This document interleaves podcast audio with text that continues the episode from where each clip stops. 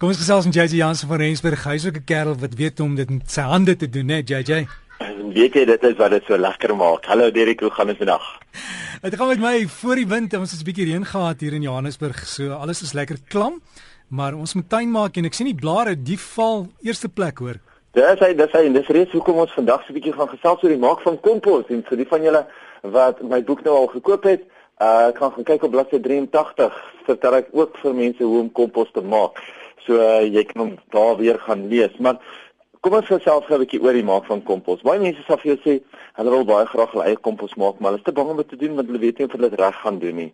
Gelukkig kan mense nie regtig verkeerd gaan met kompos nie.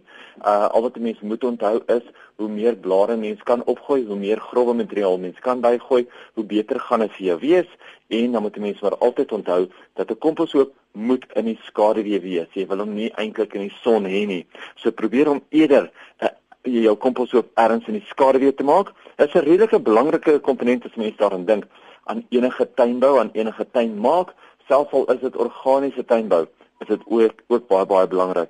Enige tuin of kosafval kan gebruik word. Al wat 'n mens net nie wil wil hê nie, mens wil nie vetrige produkte gebruik nie. So 'n mens gaan nou nie bene of enige kaas of enigiets van daai aard daar ingooi nie. Onthou dit is nou basies waar ons nou wil al daai tuinafval ophoop gooi, al die kombuisafval, papiere, enigiets van daai aard wil bygooi sodat die kompos sodat die organismes hom eintlik weer kan afbreek. En dit is dit word gedoen met behulp van verskillende bakterieë en organismes, mikroorganismes en dit is ook wanneer jou kompos hoop gewoonlik hitte opbou. So wat doen ons? Ons begin deur ons organiese materie uh sommer net bymekaar te gooi, al ons afval bymekaar te gooi en dan wat ons moet doen is ons moet onthou om hom gereeld nat te spuit en ook om hom gereeld te draai. So daai twee uh, aspekte tot jou komposhoop is baie belangrik. Mens kan verskeie verskillende komposaktiveerders by by by die hoop gooi.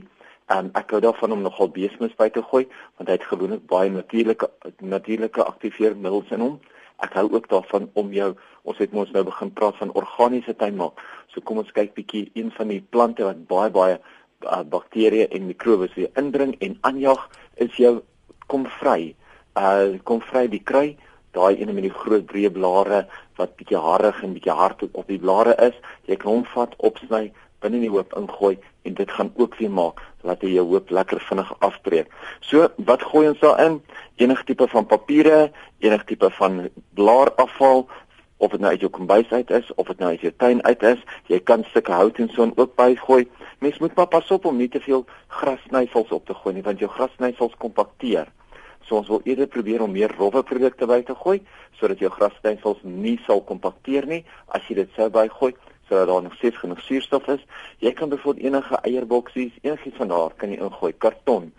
Dit gaan maak dat hy baie vinnig af dit gaan dit gemaak dat dit baie lekker kompos word en ja, dit sal alles baie vinnig afbreek. Wat ons nie wil daarin wil hê nie, gaan soos ek nou net gesê het, uh vetrige produkte wees, maar dan ook plastiek.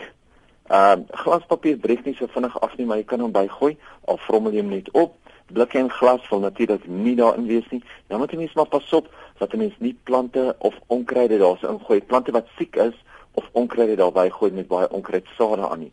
So kyk maar net uit, probeer eerder om jou komposhoop so gesond as moontlik hou om hom nie siek te maak met alles wat jy daarby gooi nie. So gaan probeer bietjie kyk of jy ergens 'n uh, lekker skaduwee hoekie kan kan vind in jou tuin waar jy dit kan doen. Al gebruik jy vir my komposhouers sal dit ook baie goed wees. Onthou net om dit gereeld te draai. Al vat jy net 'n vurk en jy steek hom net in en jy draai hom net binne daai houer of of jy hoop self wat baie mense doen is hulle gooi die hele hoop om van een kant na die ander kant. As jy die spasie het om dit mee te doen, draai jy die hele hoop om dat dit wat onder was weer bo is en dan weet jy jy het hom op baie goed deurlig. Gooi hom gereeld nat en kompos kan so 2 tot 3 maande vat dan sy mooi afgebreek van klein weer in die tuin gebruik. En as jy nie weet wat om te doen nie, e-pos vir JJ dan kan hy vir jou sê. JJ net gou 'n paar vrae hier oor ja. ander goed. Jy het nou klaar kompos gemaak. Terloops net oor die kompos maak seker as jy kompos hoop val in die stede het, dat dit nie naby jou bure is waar die wind daai reuk, die slegte reuk in hulle huise kan inwaai nie, né? Dis hy Janie, oor die algemeen word jou kompos eintlik nie te veel te stink nie, maar ja, as jy jou kraalmis en so aan bygooi, dan kan hy 'n klankie aan hom hê. So probeer maar wees maar vriendelik met jou bure ook of dink maar aan hulle ook. Iemand vra, hulle het van die Leilandi cypresse en die Goldcrest, wat kan hulle onderplant tussen die bome of moet hulle niks plant nie? Die groot probleem is Leilandi is een van die konifeer variëteite en hy vergiftig die grond basies met die jare en jare se blare wat val en ook met daai verskriklike digte wortelstelsel. So die blare wat val, hoe hy die grond vergiftig, sy maak hom baie suur.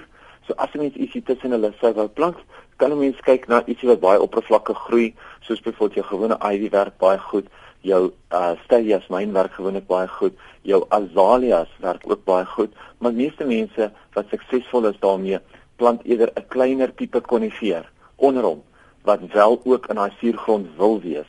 So kyk jy daarna, maak net maak net doodseker dat hy wel baie son gaan kry, want as hy nie baie son kry nie, sal hy eerder die azalia roete volg Um andersins kan jy wel die konifeer roete ook volg as dit nou aan die noorde kant is. En Martie vra woestynrosies, kan jy dit plant van saad? Kan jy dit koop die saad en wanneer verdeel jy jou clivias, jou boslelies?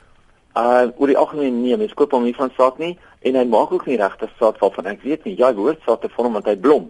Um maar dit is baie makliker om net die blaartjies te vat en dit te plant want elke liewe blaartjie wat jy afbreek van die plant af gaan vir 'n nuwe plant kan vorm. So ek sou dit eerder van die blare afgedoen het as wat ek sou gesukkel het met saad.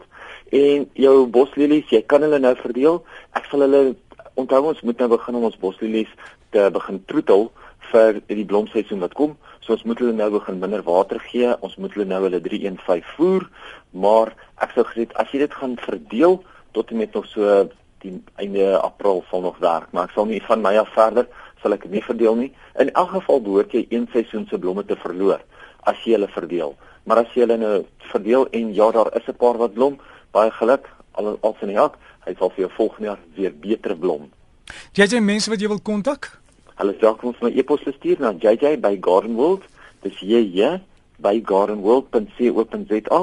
Uh en ek het hierdie week het ek bietjie rondgery, so ek het nie my al my e-pos uitgekom nie, so ek sal seker maak dat ek dit oor die naweek vir die mense afhandel. Wel daar is hy rondritsende JJ Jansen van Rensburg van Garden World. Hy het ook 'n webtuiste en kan daardie skakels kry na Facebook en so is gardenworld.co.za. JJ is JJ by gardenworld.co.za. Lekker tyd maak.